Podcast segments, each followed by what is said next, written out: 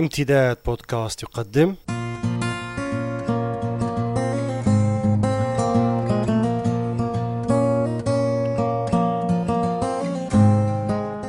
نصوص أدبية.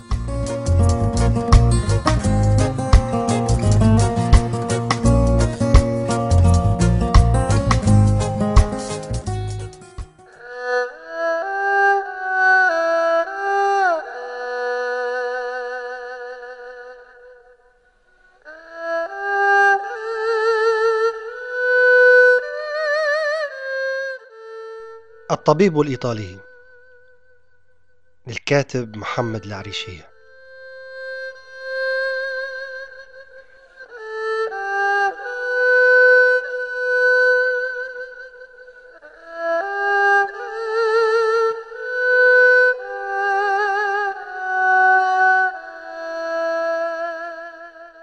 لم أتمكن اليوم من تقليم أظافري.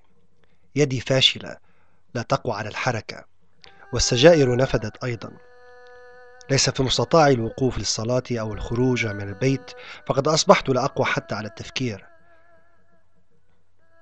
أصبحت سهل الانقياد لذكريات الحرب. يأخذني هدير الطائرات وأزيز الرصاص أن يشاء. تلهث ذاكرتي خلف أنين الجرحى وأستحضر أمام عيني وجوه موتى. ثمة جثثا مقطعة يتزاحم حولها الذباب. لا أستطيع النوم. أتخيل أشياء كثيرة وكأن الموت يرتدي قناعا ويركض خلفي من غرفة إلى أخرى. لقد حزمت حقيبتي كي أهرب إلى البعيد إلى جهة توشك أن تتلاشى في عالم النسيان. بدا العجوز كمن سيضيف شيئا آخر إلا أنه سكت فجأة ظل ينظر إلى قط يمشي في حذر فوق سور البيت مشددا النظر إليه إلى أن قفز في الجهة الأخرى وطار سربا من الحمام. قال ما زلت أتذكر ذلك اليوم الذي رافقت فيه أبي إلى السرت لمساعدته في علاج الجرحى واكتشفت للمرة الأولى أن الأدوية التي كان يستخدمها لم تكن سوى كلمات مواساة ونظرات حزينة يسكبها على الجراح مباشرة. نظرة خلف نظرة حتى ينفد مخزونه من الصبر وعندئذ يرخي العنان لدموع تظل تتسرب ببطء من تحت إبهامه وسبابته. تحمست كثيرا لمساعدته وتخيلت نفسي ممرضا مثله لا يملك سرة مملوءة بالأدوية بقدر ما يملك كلمات مؤثرة. كانت أصوات أطفال تتعالى وفيها بكاء وتختلط مع نباح كلاب. اتكأ على مرفقه وهو يرنو إلى الأرض وقد بدا عليه الضيق. كانت قد انصرمت ساعات النهار ومضينا عبر شارع ترابي يخلو من المارة تحت سماء مكتظة بالنجوم دخلنا فناء مدرسة مدمرة. وقف أبي عند الباب وقال ما تراه اليوم يجب أن تنساه غدا. سألته هل حقا أن أدوية الطبيب الإيطالي ممزوجة بالسم؟ حدجني بنظرة صارمة ولم ينبس بكلمة. دفع الباب بيده ودخل. بقيت حائرا وبدأ علي شيء من التردد قبل أن أتجه خلفه. منذ ذلك اليوم أصبح الموت محفورا في ذاكرتي وكأن أجساد الموت الذين رأيتهم متناثرين في فناء المدرسة قد دفنوا بين أجفاني وأهيل فوقهم بصري. لم يبق في مخيلتي شيء سوى تلك القدم التي حملها أبي للمقبرة ودفنها. لم أقوى على النوم ورزحت تلك الليلة تحت وطأة القدم بشقوقها وأظافر أصابعها الطويلة المتسخة. قدم تكسوها الخدوش وخثارات دم جاف وتنبعث منها رائحة كريهة. لقد تشكلت في ذهني صورة بشعة لصاحب القدم على هيئة شبح مخيف وأخذ يقفز في أحلامي بقدم واحدة ويصيح.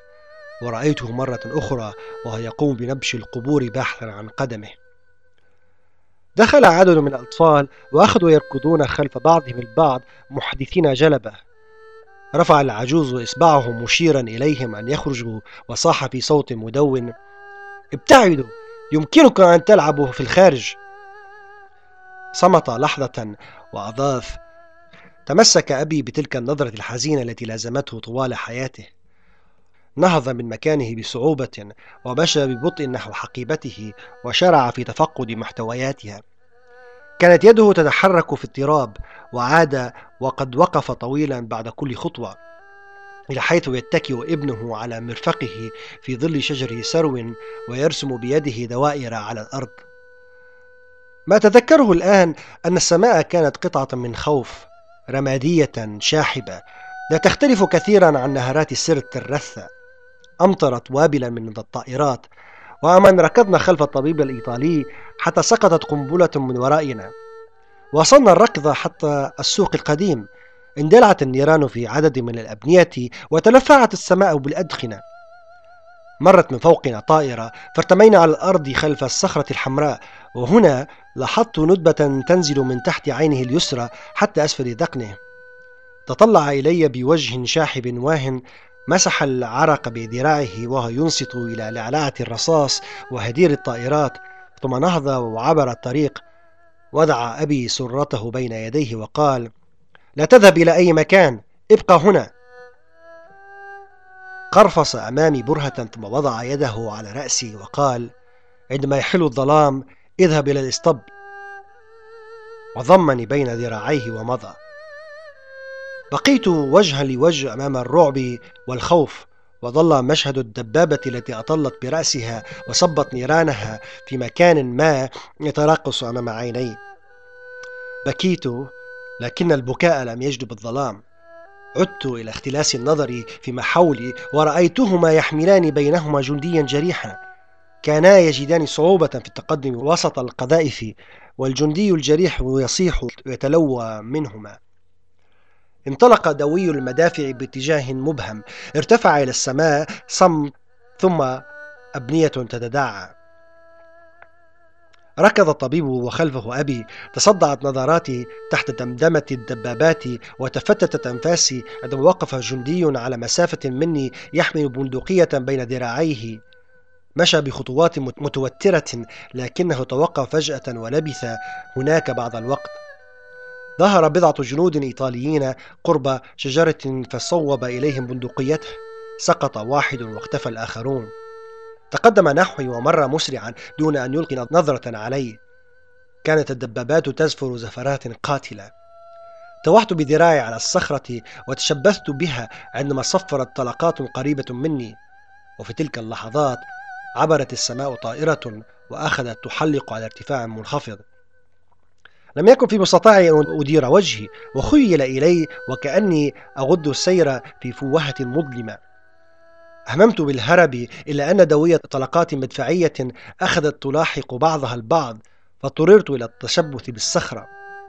ومن مكان ما ظهر جندي إيطالي لوح بيديه إلى مستوى كتفيه إلا أنه خر ساقطا على وجهه. توقفت الطائرات عن التحليق بينما المدافع لم تكف عن الدوي. سكت ثم بسط يده أمامه وراح يتأملها بتمعن وقال كنت قد ركضت عبر أمكنة لا حياة فيها إلا للصمت المطبق. حينما بلغت الإسطبل كان القمر ساطعا. وجدت أبي ممددا على الأرض والطبيب صامت. ثمة جثثا ممددة على الأرض عليها بدلات غامقة ملطخة بالدماء. ومر الليل بطيئا مصحوبا بدوي المدافع. نهض الطبيب وأخذ يراقب القمر من ركن مهدم من الإسطبل بانتباه شديد رغم ما يجري في الخارج. نظرت إليه وجلا من فوق كتف أبي. التفت يا أبي إلي وقال مخاطبا الطبيب الإيطالي يعتقد أن كل الإيطاليين قتله. لم يبدي أي ردة فعل وبقي لبعض الوقت رافعا بصره نحو القمر وقال مينون بياتشي موسوليني نظرت إليه ابتسم أبي وقال إنه لا يحب موسوليني نهض العجوز بصعوبة ودار حول حقيبته وحدق بنظرات متعبة في السماء الجرداء ثم عاد أدراجه نحو ابنه وقال عدنا إلى البيت وكانت الشائعات تهب من كل أنحاء القرية والنميمة تثور خلف الأبواب تولول وتلطم أذني. كنت أرهف السمع إلى الأكاذيب التي تنتشر مع ساعات الصباح. إنه قاتل. آنذاك كان من المؤكد بالنسبة لي أن أستفسر عن حياة الطبيب الإيطالي من خلال بحثي بين أغراضه وحقيبته الجلدية. ولكن بالمناسبة لم أجد سوى بعض الأدوية وصورة شاحبة للقمر. وفي ليلة من الليالي كان أبي يجلس أمام النار ويقوم بتغذيتها بالحطب وقد دثر بعباءته. جاء عدد من رجال القرية يتقدمهم رجل ضخم له ناب بارز بين شفتيه المضمومتين ناب طويل لا يملكه أشرس كلب في القرية جلس وقال جئنا من أجل إيطالي. نظر إليه أبي وراح يتفحص وجه الرجل قبل أن يقول لم يكن جنديا أو يحمل سلاحا إنه طبيب مسالم إنكم تبحثون عن شخص آخر. هب الرجل واقفا وقال بل هو بشحمه ولحمه ونحن أحق بقتله من الإنجليز. ثم جلس القرفصاء وأضاف دعنا نذبحه سنعطيك صبرا أكثر مما لديك. تناول العجوز عقب سيجار ربان أشعله وسحب نفسا أو نفسين ثم دفنه في التراب وتابع قائلا. بصق أبي ودفن بساقه في التراب ونهض. في الصباح وجدنا الطبيب مذبوحا من الأذن إلى الأذن. ممددا على الأرض ركبتاه مثنيتان وحقيبته الجلدية بين يديه. الدماء تسيل من رقبته التي مزقتها السكين إلى الأرض. بقي أبي صامتا محطما مغمضا عينيه. زحف على ركبتيه نحو جثة الطبيب ثم عاد إلى حيث كان يجلس ودفن وجهه بين ركبتيه وأخذ يبكي. وصل عدد كبير من الناس وتحلقوا حول الجثة. ثمة بكاء يسمع من داخل البيت. وفجأة وقف أبي وبعد ذلك استدار إلى الوراء وأخذ يركض حتى غاب على الأنظار. غطي جثمان الطبيب بجرد قديم وحمل إلى المقبرة على ظهر حمار. وثارت زوبعة من الجدل والخلافات حول مراسم الدفن. وكاد عراك بالأيدي أن يندلع إلا أن صيحة مدوية أبعدتهم عن بعضهم بعض. وحين استداروا رأوا أبي واقفا في مدخل المقبرة. كان ممسكا بندقية في يده وكان يصوبها تجاههم. ثم صاح اتركوا الطبيب وابتعدوا. وأخذ يطلق النيران في الهواء وصاح ثانية اذهبوا من هنا إنه الإنذار الأخير. كان دوي الطلقات يمزق الصمت. مكث الرجال حول جثة الطبيب بلا حركة. ينظر كل منهم إلى الآخر. وبدأت طلقات أخرى تحوم فوق رؤوسهم. وكان أبي يصوب نحوهم بعصبية ثم تفرقوا بعد أن ركل أحدهم جثة الطبيب فسقط جزء من الغطاء وظهر وجهه ممتقعا ولم يتوقف عن التحديق في السماء ركضت وحاولت الاقتراب من أبي إلا أنه نهرني قائلا يجب أن تعود إلى البيت فورا. عندئذ لمحت خلال تلك اللحظات بريقا في عينيه وكان بريقا قلقا شبيها بما نراه في عيون الحيوانات الجريحة. نظر إلى الجثة بشكل موارب كان الظلام قد حل والقمر كان مستترا خلف طبقة من الغيوم التي لا تمطر. وضع البندقية بهدوء على الأرض ولف جسد الطبيب وضعه على كتفه وتوارى وسط القبور. قضيت الليل كله بانتظاره لكنه لم يعد وأخيرا أدركت أن أبي وجثة الطبيب الإيطالي صارا ينتميان إلى مصير واحد. صارا ينتميان إلى حياة غامضة مجهولة حياة نائية لم يتمكن حدسي أو تفكيري من بلوغها.